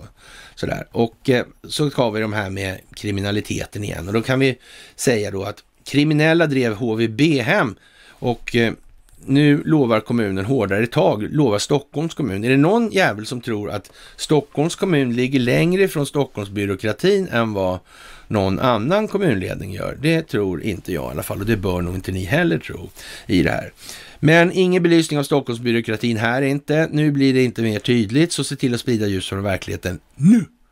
Så, Ja, vad sägs om att återstående friheten i livet kan mätas mot insatsen för den nuvarande situationens uppkomst? Ja, dåre om en tappad moraliskt i artikeln då, den här stackaren då, han verkar ju inte liksom riktigt, ja, han kan ju säkert vara så som han ser ut då, om vi säger som så. Ja, Stockholms stad skärper granskningen av kommunens HVB-verksamheter de kommande året. Detta efter avslöjat om våld, misskötsel och kriminella aktörer inom branschen. Socialborgarrådet Jan Jönsson är kritisk till att man inte har agerat tidigare. Jag är oerhört självkritisk, säger han. Och, och ja, jag vet inte om det är det vad är, är det en förklaring det på någonting? Att han är självkritisk eller är det en ursäkt i någonting annat att han är självkritisk? Det är lite svårt att se. Det framgår inte riktigt klart hur han menar här egentligen. Eh, annat än han tycks vara ganska benägen att framställa sig själv i en inte alltför positiv dag i alla fall. Ja, för oss är det nytt med de kriminella aktörerna i den här branschen vad gäller barn och unga ja, som far illa på våra institutioner så är det egentligen helt obegripligt att vi inte har ställt tydligare krav tidigare. Jag är oerhört självkritisk, inte minst för jag själv har sett de här barnen när jag jobbade som rektor. Alltså, jag vet inte alltså. Men, nej, nej okej. Ja, ja, men det är lite Stockholmsbyråkratiskt i alla fall, kan man ju säga. Det förnekar han inte. Det förnekar han inte. Jaha, och kemipriset kan alltså gå till konsten att utvinna vatten i luft. Vi tar det där med vattenångan tidigare då alltså. Och här har vi någon som kommer på liksom att eh, här kan man ju bota allt det här genom att ta ur vattenångan ur luften liksom. Och återvinna vatten. Fan vad det passar bra ihop ju. Eller hur? Det är fan lite fint ändå alltså. Jaha, och i förhållande till innebörden av det här andra priset då, den landvinnande vetenskap som innebär att det var vattenånga i luften som var det stora problemet och inte koldioxid. Alltså nu är det svårt alltså. Nu är det verkligen svårt att få ihop det här. Ja, men det är ju som det är som sagt. Och eh, så kan man ju säga, tänk om allting går mot sin upplösning också, kanske är så. Mm, det går från det, det stabila till det instabila hela tiden. Upplösningen alltså. Högre frekvenser. Mm. kan man tänka på kanske. Vad som är vad. Ja. Och vad som är, varför det är så viktigt med långsiktiga balanser. Det kan vara en bra grej. Jaha, och eh, ja, nu kommer det i alla fall. Det är så tragiskt imbecilt så, ja, kan situationen alltså bli ännu värre då här. Men eh, ja, de vill förbjuda bensin helt till 2030, alltså Naturskyddsföreningen. Och eh, ja, det står alltså i Svenska Dagbladet idag. Och det där med, de insåg kanske att det där med 100 spänn liten diesel, det kommer ju inte att bita alltså. De är för dumma i huvudet folk. De är för fördummade alltså. De är för sönderkörda. Det är för lite eh, grejer som funkar kvar. Och ja, då prövar de med den här då. då. Vi förbjuder försäljning av fossila bränslen helt till 2030. Jaha. Ja. Det är ju som det är.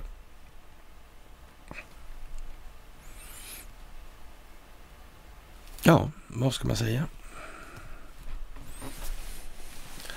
Då vill det till att man har bra alternativ helt enkelt. Annars kommer det bli väldigt konstigt. Maria vävde en 21 meter lång pridematta åt Göteborgs domkyrka är väl kanske inte sådär jätteviktigt, men kyrkans politisering är ganska viktig att se vad den är och vad den innebär för någonting egentligen. Och om det är så vi ska ha det i det här landet, om det i så fall ska vara någonting som är kopplat till samhället i någon som helst omfattning och form. Så. Det är kanske värt att tänka på nu. Faktiskt. Ja, Jaha, och eh, man kör på rätt hårt med de här frågorna med ja, royalismen helt enkelt. Det där är ju ett jävla... Och när det går sån här inflation i det här med royalismen i England så blir ju naturligtvis den här jävla borgarkungsroyalismen vi har i det här landet, det blir ju bara skitlöjligt helt enkelt. Skitlöjligt. Och det är dit det ska naturligtvis. Och eh, ja, Google kräver in en massa information och eh, eller vad säger federala regeringen kräver in information från Google ska jag säga. Och eh, ja, det gäller då om alla som skriver in vissa söktermer. Vissa söktermer då, ja. Då så. Men fattar inte folk nu, då fattar inte folk nu. Och då får vi väl ta det ja, en gång till helt enkelt. Så. Jaha, oenighet i försvarsfrågan måste bygga starkare försvar alltså. Och ja, det blir lite roligt. Vi måste bygga starkare försvar, säger makaronen då och på väg in till middagen enligt TT. Andra är dock mer tveksamma till idén om att göra EU mer oberoende av USA och NATO. Men för att ändå skapa en illusion av samförstånd enades ledarna om en kompromiss. Det låter inte så jätteseriöst där faktiskt. EU bör stärka sin egen militära kapacitet. Okay?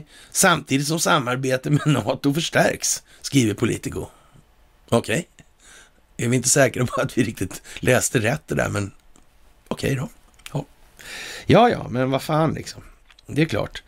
Jaha, så ja, värmen från så värmer träflis från Amazonas upp Stockholms vinter och då håller man på att garva ihjäl sig alltså med en rätt så rejäl prom som kommer sätta den. Men hon heter ingenting mindre än det passande namnet då Phoenix Rising.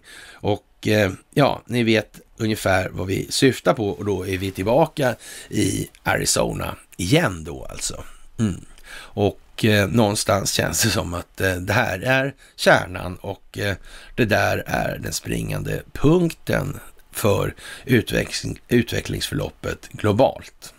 Och med det, kära vänner, kan vi väl anse att den här onsdagen är till ända i myssammanhang och då hinner ni ju kolla på det här jättemånga gånger och vi tackar naturligtvis för ert benägna stöd. Tack för gåvor på Swish och Patreon. Tack för att ni verkligen hänger med och fördjupar er. Nu har ni hela den här dagen på er att titta på det här i princip. Och eh, ja, Tack för att ni verkligen fördjupar er och att ni hänger på Telegramtjänsten. Och med det önskar jag en eh, trevlig onsdag till er och eh, jag ska prata inför sju personer idag. Och eh, ja, det är väl den minsta beställda föreläsningen som jag någonsin har varit på, men den kan bli väldigt viktig helt enkelt så. Och med det så hoppas jag att vi hörs på fredag. Okej, trevlig onsdag.